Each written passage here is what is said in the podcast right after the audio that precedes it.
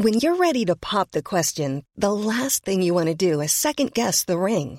At Bluenile.com, you can design a one of a kind ring with the ease and convenience of shopping online. Choose your diamond and setting. When you find the one, you'll get it delivered right to your door. Go to Bluenile.com and use promo code LISTEN to get $50 off your purchase of $500 or more. That's code LISTEN at Bluenile.com for $50 off your purchase. Bluenile.com code LISTEN. Hi, I'm Daniel, founder of Pretty Litter. Did you know cats tend to hide symptoms of sickness and pain? I learned this the hard way after losing my cat, Gingy. So I created Pretty Litter, a health monitoring litter that helps detect early signs of illness by changing colors, saving you money and potentially your cat's life. Pretty Litter is veterinarian developed, and it's the easiest way to keep tabs on your fur baby's health right at home. Go to prettylitter.com and use code ACAST for 20% off your first order and a free cat toy. Terms and conditions apply. See site for details. Burrow's furniture is built for the way you live. From ensuring easy assembly and disassembly to honoring highly requested new colors for their award-winning seating, they always have their customers in mind. Their modular seating is made out of durable materials to last and grow with you. And with Burrow, you always get fast, free shipping. Get up to 60% off during Burrow's Memorial Day sale at burrow.com slash ACAST. That's burrow.com slash ACAST. burrow.com slash ACAST.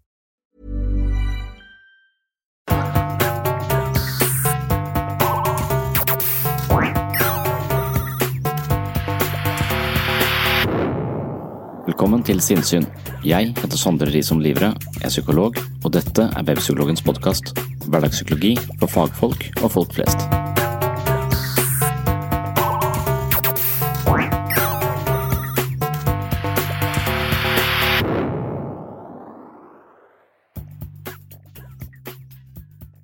Tidlig i denne koronakrisen sa jeg at jeg ikke visste hva jeg skulle tenke eller føle om situasjonen.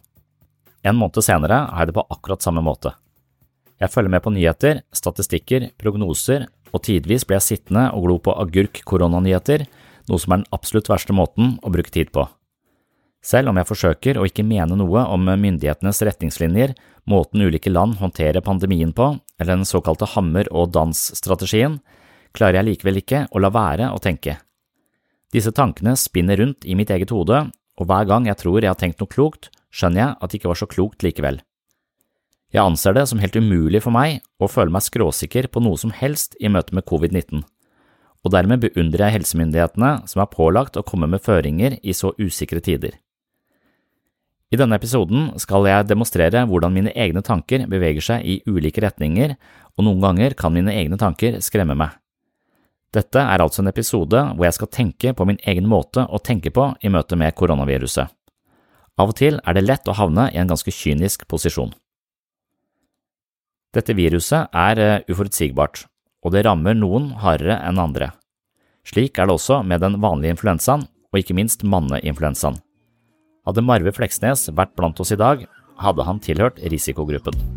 Jeg vil innledningsvis bare kort kommentere en uh, melding jeg fikk uh, i forbindelse med en tidligere episode hvor jeg snakket om uh, koronaviruset. Da var det en dame som ville slutte å følge meg, eller var lettere frustrert over at jeg fleipa med koronaviruset, og hun syntes det var helt uhørt at jeg ikke tok det på alvor. Da opplever jeg at hun har misforstått litt, jeg tar dette på høyeste alvor. Jeg aner ikke hvor alvorlig jeg bør ta det, men jeg bare følger de reglene og det alvorspreget som er eh, lagt som føringer fra, fra høyeste hold. Men når det gjelder dette med humor, så har jeg hele tiden sagt at jeg mener det er helt sentralt å beholde en viss grad av humor, kanskje spesielt i møte med store kriser. Jeg husker jeg leste Freud som, som, snakket om at humoren er på en måte vår inngangsport til de ubevisste kreftene. Akkurat som drømmene er kongeveien til det ubevisste, så er humoren også en måte å få tak i den frykten, den utryggheten som ligger under overflaten, og den kan da via humoren komme til overflaten på en måte vi kan håndtere. Så dermed så er humor en slags moden forsvarsmekanisme, og ikke noe som skal undergrave alvoret i en alvorlig situasjon, men snarere noe som skal sette oss i stand til å håndtere eh, den vanskelige og kanskje farlige situasjonen på best mulig måte. Og Derfor så mener jeg fortsatt at eh, det å innlede med Marve Fleksnes eh, ikke er å, å undergrave eh, covid-19s eh, farlige aspekter, men et forsøk på å snakke om det som skjer rundt oss, på en måte som gjør at vi kan våge å, å, leve i det uten å måtte stikke hodet i sanda eller leve i overveldende eh, frykt. Det er ikke sikkert det fungerer for alle, men eh, det har vært, alltid vært viktig for meg. Og så husker jeg også at eh, Nietzsche har skrevet om humor, og jeg kan ikke sitere det helt korrekt, men det er som om Nietzsche forsto at mennesket var selvbevisste, og mennesket var også bevisst all lidelse i verden, og fordi vi var de eneste vesenet som var bevisst så mye lidelse, så måtte vi utvikle humoristisk sans for å klare å overleve. Og det tror jeg også er et slags eh, viktig eh, element da, å ta med seg. Så jeg vil bare poengtere at jeg ikke har til hensikt å fleipe med viruset, men jeg eh, fortsetter eh, denne podkasten i samme takt og tone, uansett hvilke tema jeg tar opp, og jeg tror det er en viktig del av det å kunne formidle både psykologi og, og, men også alvorlige temaer på en eh, måte som gjør det spiselig. Og da går jeg til eh, en tekst som jeg eh, har produsert i hu og hast fordi jeg skriver for å bearbeide ting for meg selv. Og dette er en, altså en tekst hvor jeg reflekterer over min egen måte å tenke på, og underveis i denne teksten så, så, vil jeg havne i posisjoner som absolutt ikke er spesielt prisverdige. Jeg tenker meg inn i måter å forstå dette på som med, ved nærmere ettertanke er helt på jordet, og derfor så når jeg da snakker underveis, så må du ikke stoppe uh, podkasten og si at dette her, han er, tenker helt idiotisk. Jeg vet at jeg tenker helt idiotisk, og det er det som er poenget mitt, å illustrere hvor idiotisk det går an å tenke uh, på kort tid, og hvordan tankene mine uh, går i ulike retninger hele tiden, og hvordan dette her er liksom et slags terreng det er vanskelig å få, få grep om. Så jeg ønsker ikke nå å være noen ekspert på covid-19, selv om jeg av og til tenker meg inn i en slags ekspertrolle på, på covid-19. Så det er viktig. Det, det, jeg sier her, det må ikke tas ut av kontekst, så hvis du har tenkt å høre det, så må du helst høre hele, og i hvert fall ikke sitere meg på deler av det som, som står her. For covid-19 det angriper jo folk på helt forskjellige måter. I starten tenkte man at viruset ikke bryr seg om sosial status eller posisjon blant menneskene, men etter hvert skjønner vi at eh, det som vanlig er de mest utsatte, minst bemidlede og svakeste gruppene i samfunnet som får unngjelde, slik det er ved de fleste kriser. Det er uklart hva som gjør at viruset treffer noen veldig hardt, mens andre ikke legger merke til at de har lungene fulle av covid-19. Dette gir en følelse av russisk rulett, og jeg tror det er få mennesker som finner glede eller vitaliseres av dette spillet. Det er fortrinnsvis angstprovoserende og jævlig. Viruset er høyst uforutsigbart, og derfor vanvittig skremmende. Gradvis begynner det likevel å danne seg noen mønstre i sykdomstilfellene. Det er i hovedsak gamle mennesker som dør, og dette er mennesker som likevel er inne i livets siste fase. Flere av dem har stått frem og sagt at de ikke vil at samfunnet skal stoppe opp for å redde dem. Omkostningene er for store, og de har ikke bedt om å bli redda til denne prisen. Det kan man godt si når man er 80 år og ser at unge mennesker havner i uføre på grunn av de inngripende tiltakene som gjøres for å bekjempe pandemien. Når aldrende mennesker uttaler seg på denne måten, kan det virke prisverdig og litt heroisk, men samtidig er det noen kalkuleringer og overslag som kombinerer sykdomsdata, alder og menneskeverd bak slike uttalelser. Og det er ved denne typen nyhetsoppslag at eh, jeg begynner å tenke litt som en utilitarist. Utilitarisme er en etisk teori som hevder at en handling er moralsk riktig hvis og bare hvis den maksimerer nytten. Fra et eh, utilitaristisk standpunkt bør man alltid velge den handlingen med størst grad av nytteverdi. Nytten av en handling skal altså maksimeres. Dette betyr at nytteverdien for alle berørte individer skal legges sammen, og at man bør velge den handlingen som har høyest sum av nytte.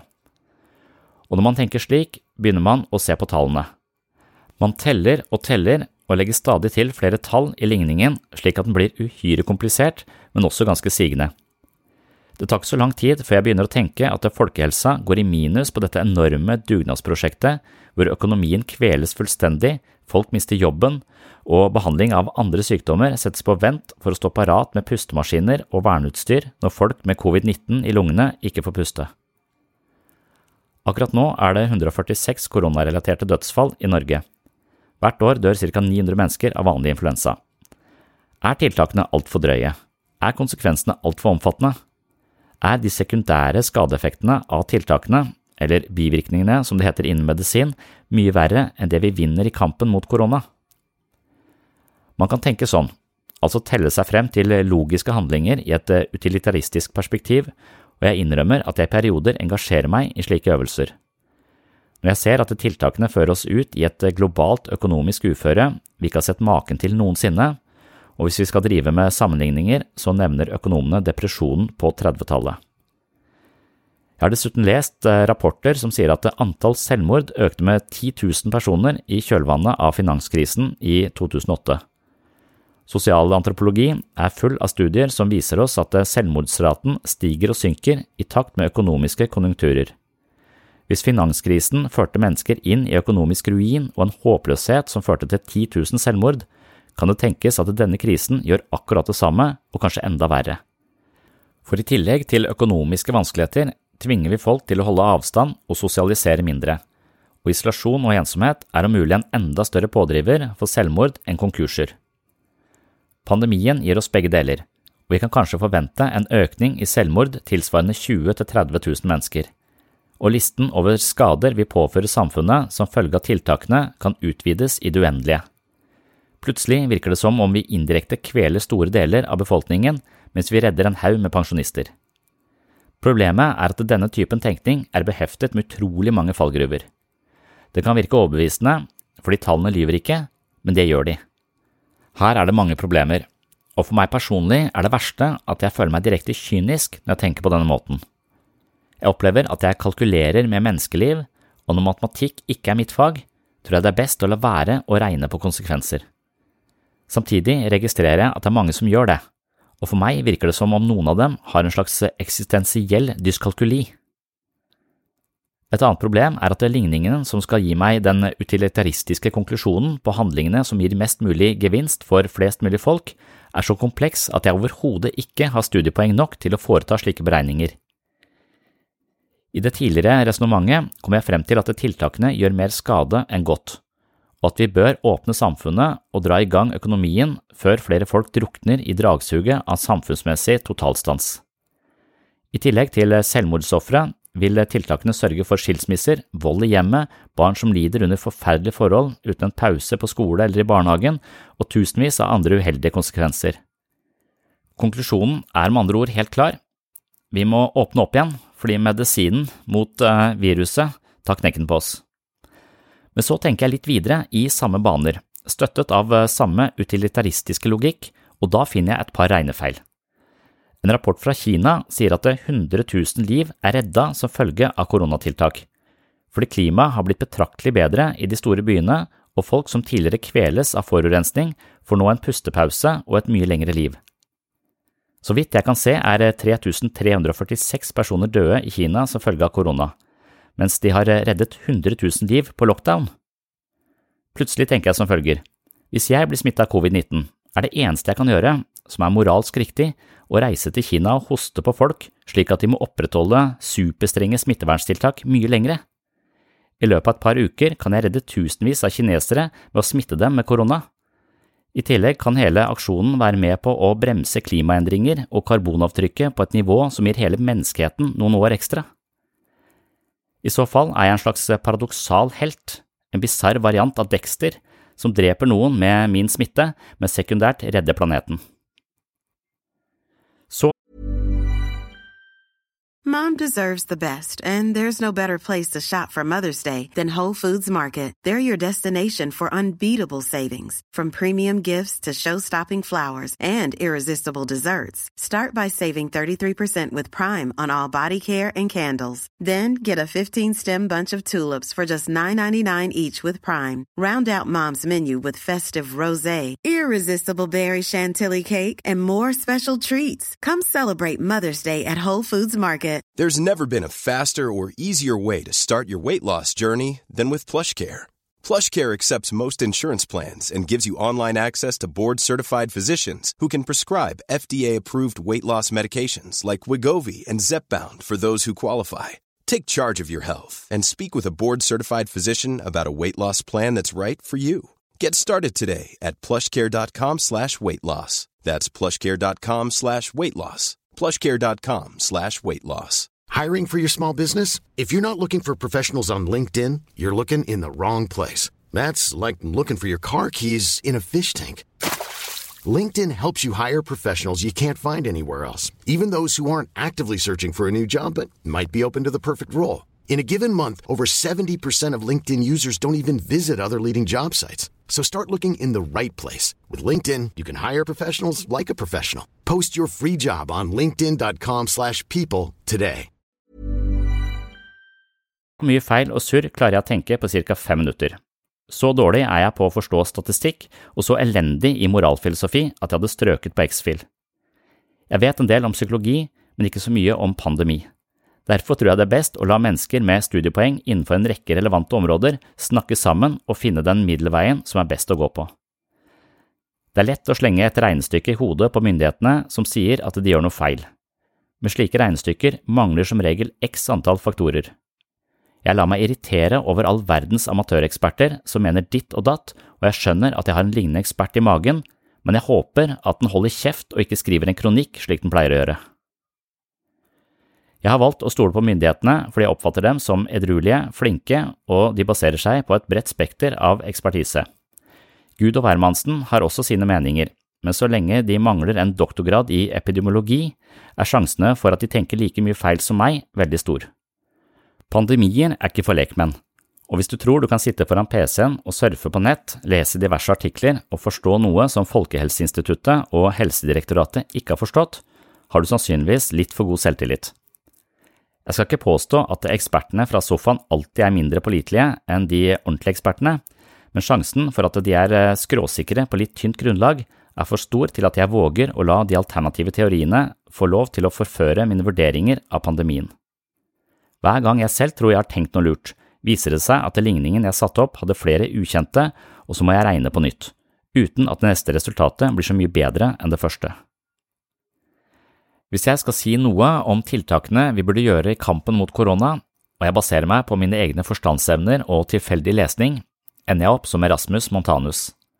Det ligner situasjonen hvor jeg roper ut sjakktrekk til Magnus Carlsen under sendingene til NRK, og deretter synes at Carlsen er helt udugelig fordi han gjør noe annet enn det jeg foreslår. Jeg ligger på de laveste ratingnivåene i sjakk, men likevel føler jeg meg trygg på at trekkforslagene mine er av topp klasse. Kanskje gjør myndighetene enkelte feil i disse tider, men jeg tror det er umulig å komme gjennom dette uten en viss tabbekvote.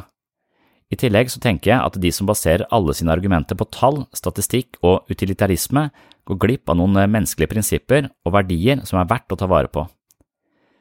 Vi gjør vårt beste for å redde folk, uansett hvor gamle de er. Det er slik vi er, og det gjør oss til en fin flokk. Jeg vil være en del av den flokken, og ikke en kyniker med kalkulator. Jeg vet at vi allerede kalkulerer med menneskeliv på mange områder i samfunnet, og spesielt innenfor helsevesenet, men disse vurderingene er supplert av fagetikk, medmenneskelige hensyn og stadige diskusjoner for å finne den rette balansen i ligningen. Det er ikke bare tall og maksimering av nytteverdi som legger føringene, for en slik strategi hadde blitt kynisk. En kyniker er en som vet prisen på alt, men ikke verdien av noe. I ytterste utilitaristiske forstand så kan man komme til å ofre sine egne barn dersom det viser seg at en slik handling kan redde 100 andre barn i et annet land. Hvis man som forelder regner kost-nytte på denne måten, risikerer man en utrygg tilknytning til barna sine.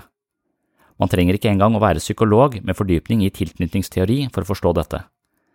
Hvis alle var absolutte utilitarister, ville verden være særdeles rettferdig og forferdelig utrygg. Hvis velferdsstaten ikke kjemper for deg, selv om du er gammel, svak og syk, mister vi all den trygge tilknytningen vi har til landet vårt. Det tapet må også med i regnskapet, og sånn kan man holde på i det uendelige.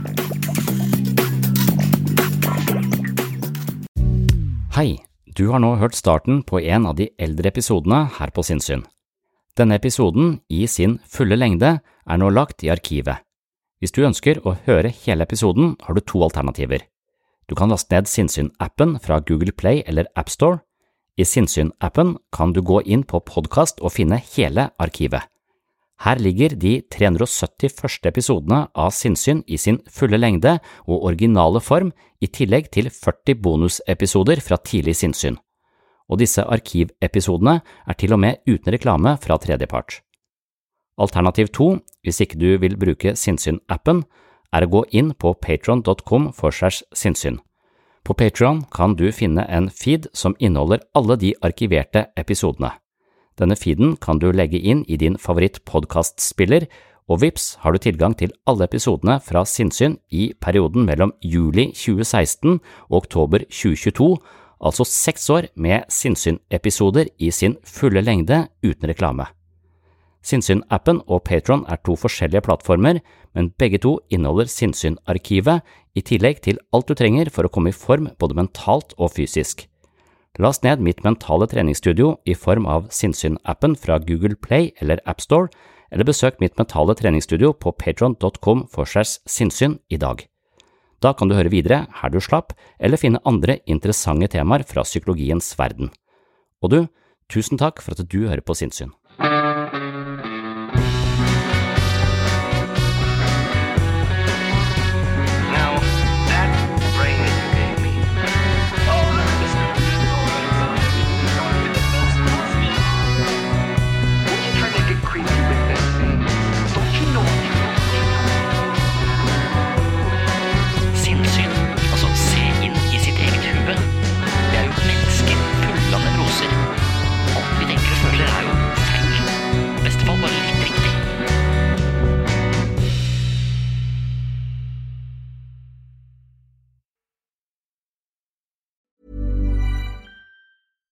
Deserves the best, and there's no better place to shop for Mother's Day than Whole Foods Market. They're your destination for unbeatable savings, from premium gifts to show-stopping flowers and irresistible desserts. Start by saving 33% with Prime on all body care and candles. Then get a 15-stem bunch of tulips for just $9.99 each with Prime. Round out Mom's menu with festive rosé, irresistible berry chantilly cake, and more special treats. Come celebrate Mother's Day at Whole Foods Market. Hey, it's Paige DeSorbo from Giggly Squad. High quality fashion without the price tag. Say hello to Quince.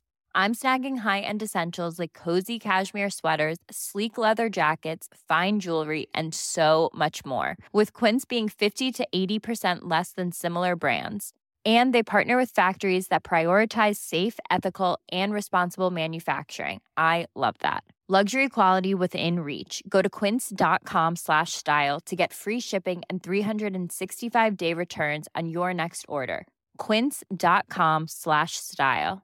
Mom deserves the best, and there's no better place to shop for Mother's Day than Whole Foods Market. They're your destination for unbeatable savings, from premium gifts to show-stopping flowers and irresistible desserts. Start by saving 33% with Prime on all body care and candles. Then get a 15-stem bunch of tulips for just $9.99 each with Prime. Round out Mom's menu with festive rosé, irresistible berry chantilly cake, and more special treats. Come celebrate Mother's Day at Whole Foods Market.